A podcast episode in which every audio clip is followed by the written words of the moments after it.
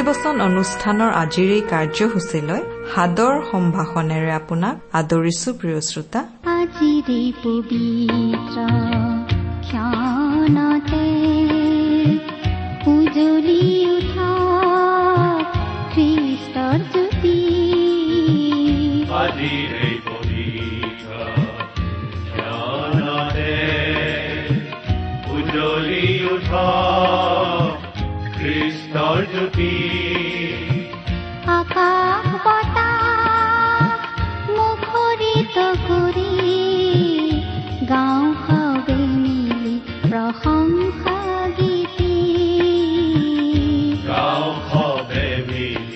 প্ৰিয় শ্ৰোতা ৰেডিঅ'টোৰ কাষত এইদৰে আজিও বহাৰ বাবে ধন্যবাদ।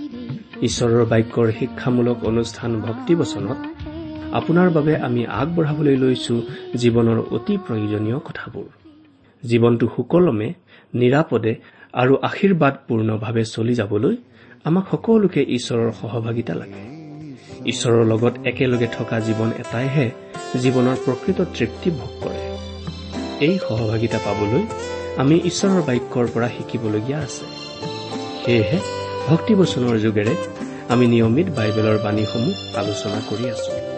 আহকচোন আজি আমি এই বাক্যৰ পৰা পৰৱৰ্তী অংশ শুনো আহিব পাৰে ধুমুহা জীৱনৰ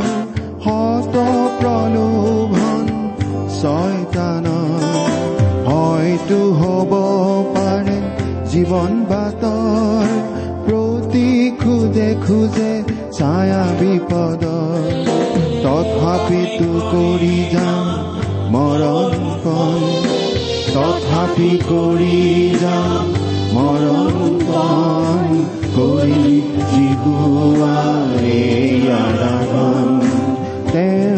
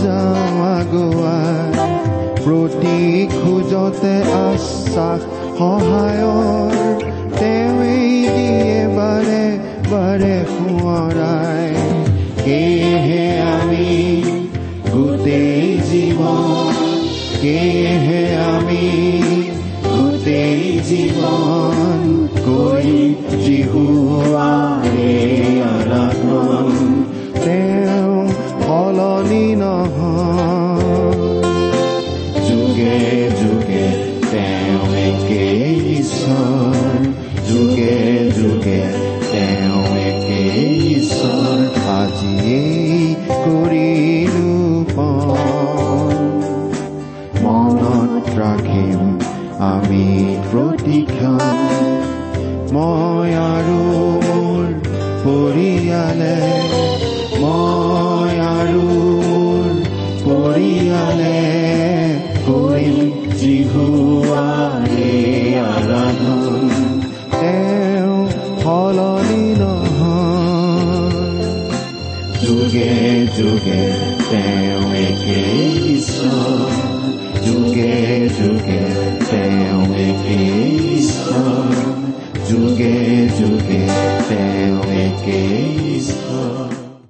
পৰিত্ৰাতা যীশুখ্ৰীষ্টৰ নামত নমস্কাৰ প্ৰিয় শ্ৰোতা আপোনাৰ গা মন প্ৰাণ ভালনে বাৰু?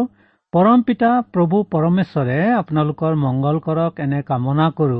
এয়া পুনৰ বাইবেল অধ্যয়ন কলচী নামৰ ঠাইৰ খ্ৰীষ্টীয় লোকসকললৈ পৌলে লিখা পত্ৰখনৰ পৰা। এইখন পত্ৰৰ পৰা আমি ইতিমধ্যে নটা অধ্যয়ন আওৰাইছো হওক। ইয়াৰ আগৰ অধ্যয়নত আমি কলচীয়া তিনি অধ্যায় এক পদৰ পৰা এঘাৰ পদলৈ অধ্যয়ন কৰিলো। আজিৰ অনুষ্ঠানত কলচীয়া তিনি অধ্যায় বাৰ পদৰ পৰা পঁচিছ পদলৈকে অধ্যয়ন কৰিম। কিন্তু অধ্যয়নত ধৰাৰ পূৰ্বে আহক আমি প্ৰভুৰ গুৰিত প্ৰাৰ্থনা জনাওঁ হওক প্ৰাৰ্থনা কৰো হে সৰগ নিবাসী সৰ্বশক্তিমান পৰমেশ্বৰ পিতা আপোনাৰ মহান নামৰ ধন্যবাদ কৰো কাৰণ আপুনি আপোনাৰ পবিত্ৰ জীৱনদায়ক আৰু মধুৰ বচন শুনিবলৈ পোৱাৰ এই আপুৰুগীয়া সুযোগ দান কৰিছে। হে প্ৰভু আপোনাৰ সৰগীয় বচনৰ গভীৰতা বুজি পাবলৈ আপোনাৰ আশীৰ্বাদ আৰু বুজি পাই সেইদৰে জীৱন ধাৰণ কৰিবলৈ আপোনাৰ পবিত্ৰ আত্মাৰ পৰিচালনা দান কৰক। আপোনাৰ এই অযোগ্য অধমে অতি স্পষ্টকৈ বুজিব পাৰিছো প্ৰভু যে জীৱন কেৱল আপোনাতেহে। অনন্ত মৰণৰ স্থান নৰকৰ পৰা মুক্তি কেৱল আপোনাতেহে কাৰণ সেই মুক্তিৰ মূল্য আপুনিহে প্ৰাণদানে বহন কৰিছে। প্ৰভু জগতৰ মানুহক কিভাৱে এই অপৰিহাৰ্যভাৱে প্ৰয়োজনীয় বিষয়টো তেওঁলোকে প্ৰত্যয় যাব পৰাকৈ বুজাই দিব পাৰো নাজানো। আপোনাৰ সৰগীয় পৰিচালনাৰে পৰিচালিত হবলৈ ইচ্ছা কৰো পিতা। যেন এই ফেৰা জৰুৰী কামটো সোনকালে কৰিব পাৰো। এই কামটো কৰিবলৈ মোক প্ৰবল ইচ্ছা আৰু আপোনাৰ পৰিচালনা দিয়ক হে পিতা। মোৰ প্ৰাণৰ অতিকে প্ৰিয় পৰিত্ৰতা প্ৰভু নাচৰতীয় যীশুৰ নামত এই প্ৰাৰ্থনা অৰ্পণ কৰিলো। আমেন। প্ৰিয় শ্ৰোতা ইয়াৰ আগৰ বাইবেল অধ্যয়নখিনি অৰ্থাৎ কলচীয়া তিনি অধ্যায় এক পদৰ পৰা এঘাৰ পদৰ অধ্যয়নখিনি আপুনি শুনিছিলে নে নাই নাজানো। সেই অংশখিনি অধ্যয়ন কৰি আমি শেষৰ ফালে পাইছিলো যে আমি যেতিয়া প্ৰভু যীশুখ্ৰীষ্টক জানি তেওঁক গ্ৰহণ কৰি আমাৰ পুৰণি পুৰুষক সলাই থৈ তেওঁক অৰ্থাৎ প্ৰভু যীশুখ্ৰীষ্টক নতুন বস্ত্ৰৰ দৰে পৰিধান কৰো তেতিয়া আমাৰ মাজত অৰ্থাৎ তেওঁত বিশ্বাস কৰা সকলৰ মাজত জাতি ধৰ্ম বা সমাজ ব্যৱস্থা বৃদ্ধিত কোনো পাৰ্থক্য থাকিব নোৱাৰে। তেওঁক ধৰাৰে পৰা তেওঁৱেই আমাৰ সকলোতে সকলো হয় আমাৰ জীৱনৰ সৰ্বে সৰ্বা হয়। আজি আমি অধ্যয়ন কৰিবলৈ লোৱা তিনি অধ্যায় বাৰ পদৰ পৰা পঁচিছ পদ অৰ্থাৎ শেষ পদলৈকে অধ্যয়ন কৰি পাম কেনেকৈ পুৰণি পুৰুষক আমি সলাই থৈ নতুন পুৰুষ প্ৰভু যীশুখ্ৰীষ্টক পৰিধান কৰাৰ পাছৰ পৰা আমাৰ নতুন জীৱন অৰ্থাৎ খ্ৰীষ্টীয় জীৱনত নতুন নতুন সাজপাৰ পৰিধান কৰিব লাগে। সেই সাজপাৰবিলাকৰ বিষয়ে আমি অধ্যয়ন কৰিম তিনি অধ্যায় বাৰ পদৰ পৰা। বাৰ পদটো পাঠ কৰিছো শুনক এতেকে ঈশ্বৰৰ মনোনীত পবিত্ৰ আৰু প্ৰিয় লোকবিলাকৰ উপযুক্ত মতে কৰোণাময় স্নেহ মধুৰ ভাৱ নম্ৰতা মৃদুতা আৰু চিৰসহিষ্ণুতা এই সকলোকে পিন্ধা। ইয়াৰ এই ঈশ্বৰৰ মনোনীত বোলা বিষয়টো বৰকৈ চৰ্চিত আৰু তত্বমূলক বিষয়। কিন্তু ইয়াৰ আচল কথাটো হৈছে কি আপুনি যদি যীশুখ্ৰীষ্টত বিশ্বাস স্থাপন কৰিলে তেন্তে আপুনি ঈশ্বৰৰ মনোনীত হোৱা বস্ত্ৰ সাজ পৰিধান কৰিলে আৰু সেইদৰে আপুনি তেওঁৰ মনোনীত লোক হৈছে।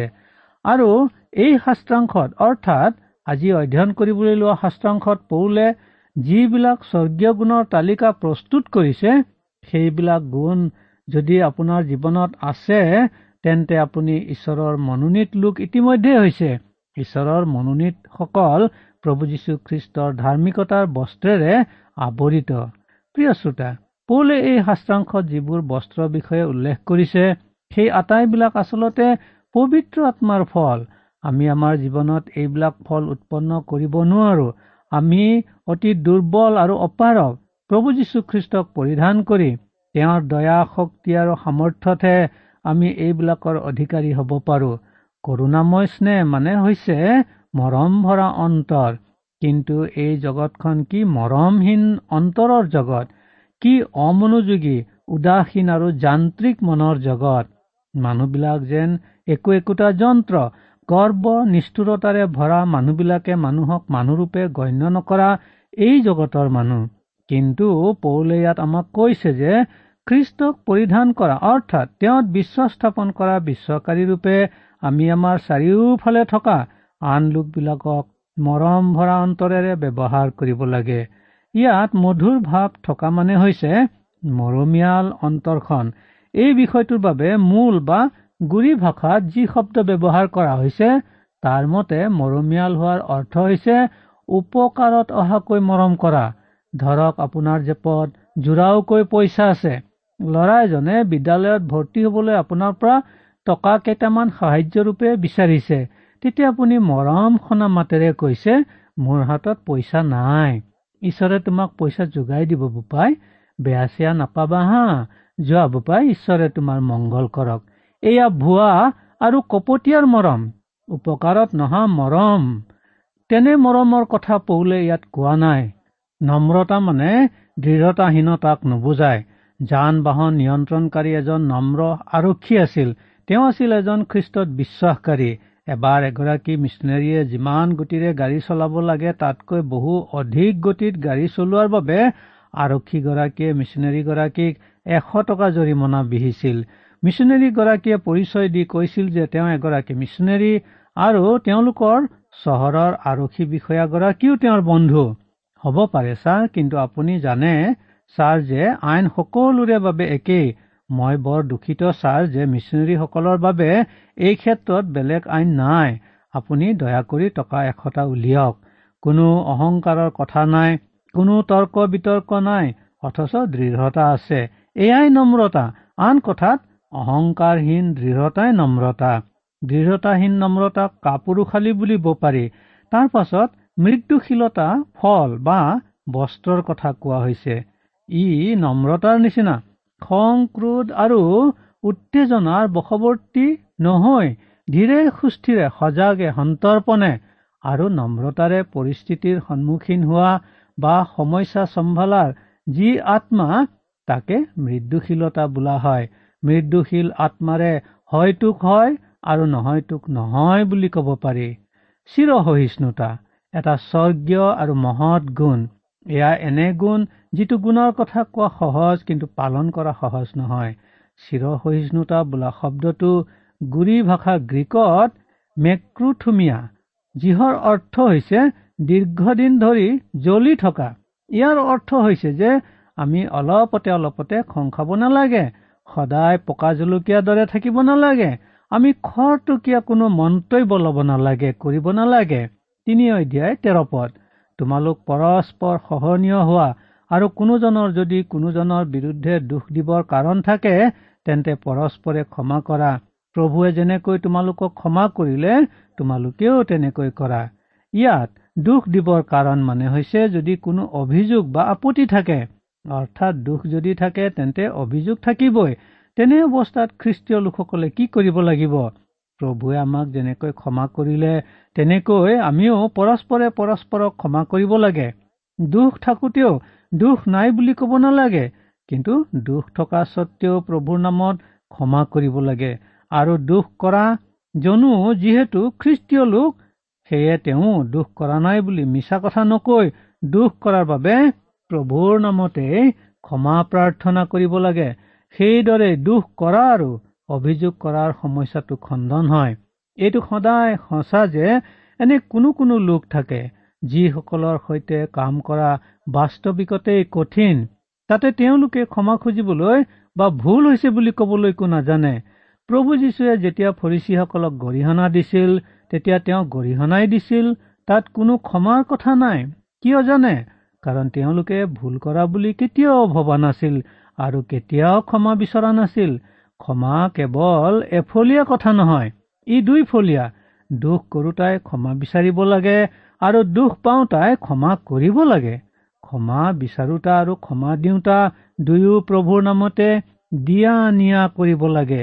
সেয়ে যদি নহয় ক্ষমা বিচাৰিব নজনাজন জানো খ্ৰীষ্টীয় লোক হ'ব পাৰিব? সেইদৰে ক্ষমা দিব নোৱাৰাজনো জানো খ্ৰীষ্টীয় লোক হ'ব? চৈধ্য আৰু পোন্ধৰ পদ। আৰু এই সকলোৰ ওপৰত প্ৰেমক পিন্ধা সেয়ে সৰ্বসিদ্ধিৰ বান্ধনি আৰু খ্ৰীষ্টৰ শান্তি তোমালোকৰ হৃদয়ত কৰ্তৃত্ব কৰক। তোমালোক তাৰ কাৰণেই এক শৰীৰত আমন্ত্ৰিত হলা আৰু কৃতজ্ঞ হোৱা। প্ৰেম নামৰ বস্ত্ৰ পৰিধান কৰিলে সেয়াই সকলোকে ঢাকে কাৰণ প্ৰেম হৈছে সৰ্বসিদ্ধিৰ বান্ধনি। প্ৰেম থাকিলে সকলো থাকে প্ৰেমৰ বহল বুকুখনৰ ভিতৰতে লুকাই থাকে মৰম চেনে ক্ষমা দয়া আদি কৰি সকলো গুণ। সেয়ে সেই প্ৰেমক পৰিধান কৰিবলৈ কোৱা হৈছে। কৰ্তৃত্ব কৰক মানে শাসন কৰক। ঈশ্বৰে সৈতে স্থাপিত হোৱা শান্তিয়ে আমাৰ হৃদয়ক শাসন কৰিব লাগে। ষোল্ল পদ। ভক্তিমূলক গীত স্তুতি গীত আৰু আত্মিক গীতেৰে পৰস্পৰে শিক্ষা আৰু চেতনা দি অনুগ্ৰহৰ কথাত নিজ নিজ হৃদয়ত ঈশ্বৰৰ উদ্দেশ্যে গান কৰা। খ্ৰীষ্টৰ বাক্য সকলো জ্ঞানৰ কথাত তোমালোকত বাহুল্য ৰূপে বাস কৰক। কিহেৰে পৰস্পৰে শিক্ষা আৰু চেতনা দিব? ভক্তিমূলক গীত স্তুতি গীত আত্মিক গীতেৰে। ঈশ্বৰৰ বচনে বিভিন্ন গীতৰ জৰিয়তে আমাৰ হৃদয় ভেদ কৰিব লাগে। ইয়াত খ্ৰীষ্টৰ বাক্যৰ ক্ষেত্ৰত প্ৰভু যীশুখ্ৰীষ্টই কৈছে মই তোমালোকক কোৱা বাক্যৰ গুণে তোমালোক এতিয়া পৰিষ্কৃত হৈছা। জোহন পোন্ধৰ অধ্যায় তিনি পদ। প্ৰিয় শ্ৰোতা আটাইতকৈ অধিক সময় ব্যৱহাৰ কৰিবলৈ যদি আপুনি ইচ্ছা কৰে তেন্তে ঈশ্বৰৰ বচন অধ্যয়ন কৰাতেই ব্যৱহাৰ কৰক। বাস কৰক মানে ঈশ্বৰৰ বচন আপোনাৰ ভিতৰত থাকক অৰ্থাৎ ঈশ্বৰৰ বচনৰ সৈতে আপোনাৰ ভাল পৰিচয় হওক। ঈশ্বৰৰ বচন আপুনি ভালদৰে জানক। ঈশ্বৰৰ বচন আপোনাৰ নিমিত্তে অচিনাকি নহওক। ঈশ্বৰৰ বচনৰ জ্ঞান আপোনাৰ বাবে বিস্তৃত আৰু বিশদ হওক। তিনি অধ্যায় সোতৰ পদ। আৰু বাক্যত বা কাৰ্যত যি যি কৰা সকলোকে প্ৰভু যীশুৰ নামত কৰা আৰু তেওঁৰ দ্বাৰাই পিতৃ ঈশ্বৰৰ ধন্যবাদ কৰা।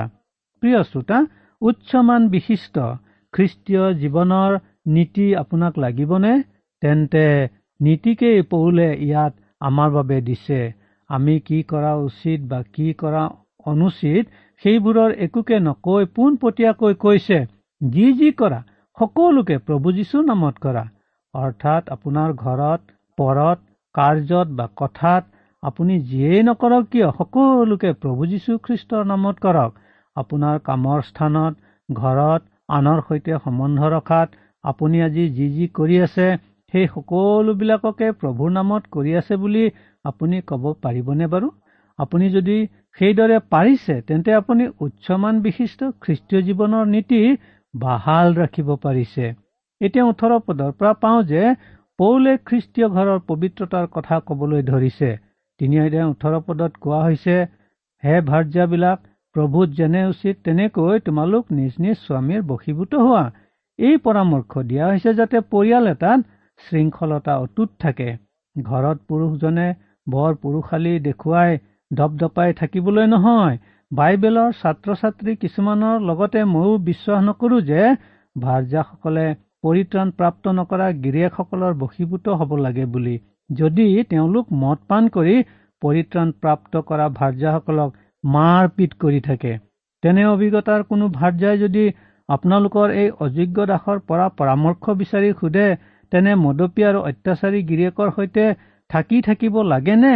তেওঁক ত্যাগ কৰিব লাগে তেন্তে তাৰ যোগ্য উত্তৰ দি পৰামৰ্শ দিম যে তেনে অখ্ৰীষ্টীয় মদপী অত্যাচাৰী বদমাইচ গিৰিয়েকক ত্যাগ কৰাই ভাল।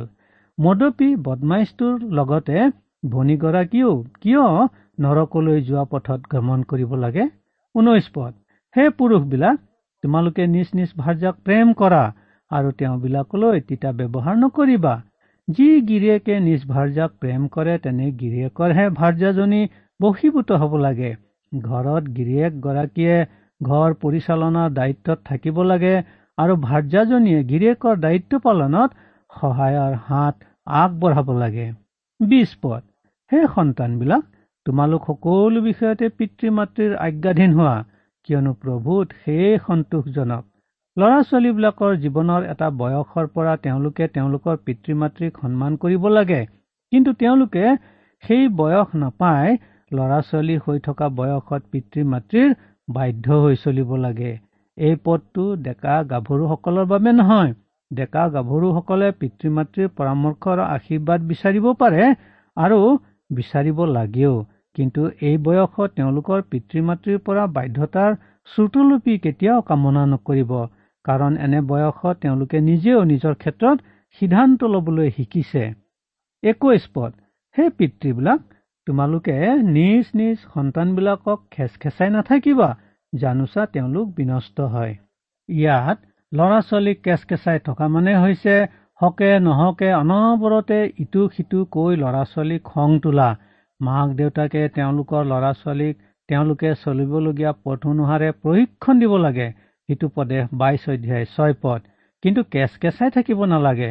সৰুকালত ল'ৰা ছোৱালীয়ে ৰঙা চকুক মানে কিন্তু ডেকা গাভৰু কালত তিতি থকা চকুৱেহে কাম কৰে। তাৰ পাছত পৌলে অতি সুন্দৰ আৰু স্পষ্টভাৱে কৈছে যে খ্ৰীষ্টীয় লোকসকলে কাম বনৰ ক্ষেত্ৰতো পবিত্ৰতা বজাই ৰাখিব লাগে। সেই পবিত্ৰতাৰ ভিত্তিত দাস আৰু মহাজনৰ মাজৰ সম্বন্ধটো কেনে হ'ব লাগে তাকো আমি ইয়াত জানিম। বাইশ পদ হে দাহবিলাক তোমালোক চকু চাকৰৰ দৰে মানুহৰ সন্তোষজনক নহৈ হৃদয়ৰ সৰলতাত প্ৰভুলৈ ভয় ৰাখি সকলো বিষয়তে মাংস সম্বন্ধীয় নিজ নিজ প্ৰভুবিলাকৰ অধীন হোৱা। ইয়াত চকু চাকৰৰ দৰে মানে হৈছে মহাজনে চাই থাকিলেহে চাকৰ নকৰসকলে কাম কৰা বা কাৰ্যালয়ত আন্তৰিকতাৰে কাম নকৰি ঘড়ী চাই চাই কাম কৰা বিধৰ কামকে চকু চাকৰৰ কাম বোলা হৈছে। সকলোতে সকলোৱে চকু চাকৰৰ দৰে কাম নকৰি আন্তৰিকতাৰে কাম কৰিব পাৰিবলৈ প্ৰভু যীশু খ্ৰীষ্ট ঈশ্বৰলৈ ভয় ৰাখিব পৰাটোৱে একমাত্ৰ উপায়। আৰু সেইটো সম্ভৱ হয় যেতিয়া আমি প্ৰভু যীশুখ্ৰীষ্টত বিশ্বাস স্থাপন কৰো তেওঁক আমাৰ ত্ৰাণকৰ্তা আৰু প্ৰভুৰূপে গ্ৰহণ কৰো। কাৰণ আমি তাকে কৰিলেহে আমি যাৰে যি কাম নকৰো কিয় সেই সকলো কাম প্ৰভুৰ ভয়ত আন্তৰিকতাৰে কৰিব পাৰো। আমাৰ দৃষ্টি সৰ্বদাই প্ৰভু যীশুখ্ৰীষ্টতে নিৰ্দিষ্ট হৈ থাকিব লাগে। তেতিয়াহে আমি খ্ৰীষ্টৰ নামত কৰা জীৱন যাপনত আগবাঢ়ি যাব পাৰিম। পৌলে তাকেই ফিলিপিয়া তিনি অধ্যায় তেৰ আৰু চৈধ্য পদত এইদৰে কৈছে পাছত থকা সকলোকে পাহৰি আগত থকাবোৰলৈ যত্ন কৰি খ্ৰীষ্ট যীশুত ঈশ্বৰে কৰা স্বৰ্গীয় আমন্ত্ৰণৰ বতাৰ অৰ্থে ঘাই লৈ লৰি গৈ আছো। পৌলৰ দৃষ্টি লক্ষ্য সকলো সময়তে খ্ৰীষ্টতে নিৰ্দিষ্ট আছিল। তেওঁ কৰিছিল প্ৰভুৰ ভয়ত কৰিছিল আৰু যি কৰিছিল প্ৰভুৰ ভয়ত কৰা সকলো কামেই আন্তৰিকতাপূৰ্ণ হিচাপে কৰিছিল। আজি আমাৰ অসমীয়া মানুহৰ কৰ্ম বিমুখতাৰ কাৰণো সেইটোৱেই তেওঁলোকে ঈশ্বৰ ভয় নাজানে। চাকৰ নকৰে মহাজনক আৰু কাৰ্যালয়ৰ কৰ্মচাৰীসকলে তেওঁলোকৰ বিষয়ালৈ ভয় ৰাখে কিন্তু তেওঁলোকৰ ঈশ্বৰলৈ ভয় নাই। সেয়ে তেওঁলোকে চকু চাকৰৰ দৰে কাম কৰিবলগীয়া হয়। তিনি অধ্যায় তেইছ আৰু চৌবিশ পদ। আৰু প্ৰভুৰ পৰা উত্তৰাধিকাৰী ৰূপ প্ৰতিদান পাবা বুলি জানি যি কৰা তাক মানুহৰ উদ্দেশ্যে নহয় কিন্তু প্ৰভুৰ উদ্দেশ্যে মনে চিতে সত্য কৰা। তোমালোকে প্ৰভু যীশুখ্ৰীষ্টৰ নিমিত্তে দাস্য কৰ্ম কৰা। প্ৰিয় শ্ৰোতা আমি মনত ৰখা উচিত যে যদিও আমাৰ গৰাকীসকলে নাজানিব বা নেদেখিব পাৰে আমি কি আৰু কেনেকৈ কৰি আছো কিন্তু নেদেখাজনে আমাক দেখি আছে। আমাৰ পাৰ্থিৱ মহাজন আৰু বিষয়াৰ গুৰিত নহলেও শেষৰ দিনা আমি প্ৰভুৰ গুৰিত জবাবদিহি হ'ব লাগিব। প্ৰিয় শ্ৰোতা আজি যদি আপোনালোকৰ এই অযোগ্য দাসে কিবা অকণ আন্তৰিকতাৰে কৰিব পাৰিছো মোৰ বিষয়াৰ ভয়ত নহয় কিন্তু প্ৰভুৰ প্ৰতি থকা ভয় আৰু ভক্তিৰ বাবেহে পাৰিছো। আমি বেতনভোগী মানুহ আমিবিলাক অধিক জবাবদিহি হ'ব লাগিব। আমাৰ দায়বদ্ধতা অধিক বেতন লৈ কাম নকৰাসকলৰ বিচাৰ বৰ ভাৰী আৰু গুৰুতৰ হ'ব। আপুনি যদি মোক সোধে মই এইটো কৰা ভাল হ'বনে? তেতিয়া এই পদটোৰ ভিত্তিতেই মোৰ উত্তৰ হ'ব। আপুনি সেইটো প্ৰভুৰ উদ্দেশ্যে মানে মনে চিতে সৈতে কৰিছেনে? যদি হয় ভাল হ'ব। যদি নহয় তেন্তে ভাল নহ'ব। আমি খ্ৰীষ্টীয় লোকসকলে যিহেতু সৰগ ৰাজ্যখনৰ হৈ এই পৃথিৱীত প্ৰতিনিধিত্ব কৰিছো সেয়ে আমাৰ যোগেদিয়েই সৰগ ৰাজ্যখন এই জগতত প্ৰতিফলিত হ'ব লাগিব। কাৰণ আমি সৰগৰ প্ৰভুৰহে দাস্য কৰ্ম কৰিছো। এই সংসাৰৰ কাৰো আমি দাস্য কৰ্ম কৰা নাই। তিনি অধ্যায় পঁচিছ পদ। অৰ্থাৎ তিনি অধ্যায়ৰ শেষ পদ। কিয়নো যিজনে অন্যায় কৰে তেওঁ নিজে কৰা অন্যায়ৰ প্ৰতিফল পাব আৰু তাত পক্ষপাত নাই। এতিয়া আমি যিখিনি ইয়াত পোনাই লোৱা নাই নিৰ্দিষ্ট কালত প্ৰভুৱে তাক পোনাব। এয়াই পদটোৰ অৰ্থ। খ্ৰীষ্টত সংযুক্ত হোৱা যি আমি সেই দিনলৈ আমি একো পেলাই নথৈ এতিয়াই অন্যায়ৰ প্ৰতিকাৰ বা শুধৰণি কৰা উচিত। আমি উযোগ্য হৈও যে যোগ্য ঈশ্বৰৰ পৰিচৰ্যা কৰিব পাৰিছো সেয়া আমাৰ বাবে ডাঙৰ সৌভাগ্য। তাকে আমি বিশ্বাসেৰে কৰিব লাগে। ঈশ্বৰে তাকে কৰিব পাৰিবলৈ আমাক আটাইকে সহায় কৰক আৰু সেইটোৱেই ঈশ্বৰে আমাৰ পৰা বিচাৰিছে। কাৰণ আমি আগতে কৈ আহিবৰ দৰে পুৰণি আদমৰ পৰা খ্ৰীষ্টত আমি এতিয়া নতুন আদম হৈছো আৰু নতুন আদমসকলে সদায়ে পবিত্ৰ জীৱন যাপন কৰি খ্ৰীষ্টৰ যি জীৱন খ্ৰীষ্টৰ যি আচৰণ সেই আচৰণ তেওঁলোকে সদায় প্ৰকাশ কৰে। কিন্তু প্ৰকাশ কৰিবলৈ আমাক ঈশ্বৰৰ শক্তি লাগে আমাক পবিত্ৰ আত্মাৰ পৰিচালনা লাগে কাৰণ পবিত্ৰ শক্তিৰ পৰিচালনা বিনে আমি ঈশ্বৰে দিয়া জীৱন সেই জীৱন কেতিয়াও ধাৰণ কৰিব নোৱাৰো। কাৰণ সেই জীৱন পবিত্ৰ জীৱন পবিত্ৰ জীৱন পবিত্ৰ আত্মাৰ পৰিচালনাতহে সম্ভৱ হয়। ঈশ্বৰে আপোনাক আশীৰ্বাদ কৰক।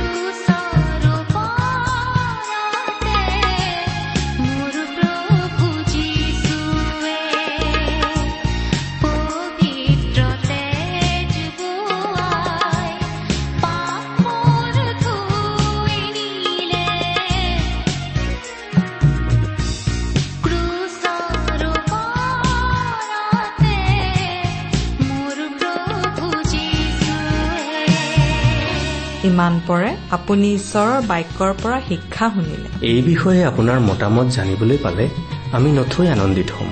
আমি প্ৰস্তুত কৰা বাইবেল অধ্যয়নৰ চিডিসমূহ পাব বিচাৰিলে আৰু অনুষ্ঠানত প্ৰচাৰ কৰা কোনো কথা বুজিব লগা থাকিলেও আমালৈ লিখক আমাৰ যোগাযোগৰ ঠিকনা ভক্তিবচন ট্ৰান্সৱৰ্ল্ড ৰেডিঅ' ইণ্ডিয়া ডাক বাকচ নম্বৰ সাত শূন্য গুৱাহাটী সাত আঠ এক শূন্য শূন্য এক। ঠিকনাটো আকৌ এবাৰ কৈছো ভক্তিবচন ট্ৰান্স ৱৰ্ল্ড ৰেডিঅ' ইণ্ডিয়া ডাক বাকচ নম্বৰ সাত শূন্য গুৱাহাটী সাত আঠ এক শূন্য শূন্য এক।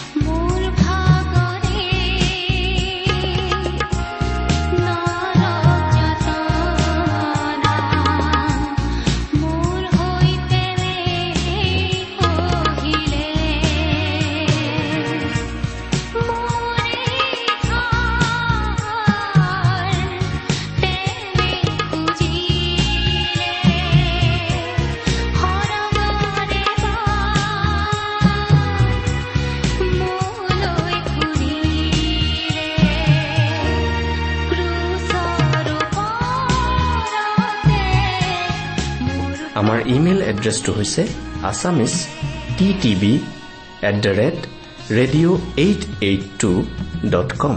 আমাৰ website W W W dot T W R dot in. আপুনি টেলিফোনৰ মাধ্যমেৰেও আমাক যোগাযোগ কৰিব পাৰে। আমাৰ টেলিফোন নম্বৰটো হৈছে nine eight five four zero' four zero' eight eight nine. Phone নম্বৰটো আকৌ এবাৰ কৈছো ন আঠ পাঁচ চাৰি শূন্য চাৰি শূন্য আঠ। আঠ ন। আপুনি এই ভক্তিবচন অনুষ্ঠানটি আমাৰ website W W W dot radio' eight eight two dot কমতো শুনিব পাৰিব। আজিৰ অনুষ্ঠানটি ইমানতেই সামৰিছো। ঈশ্বৰৰ শান্তি আৰু অনুগ্ৰহ আপোনাৰ লগত থাকক। ধন্যবাদ। ধন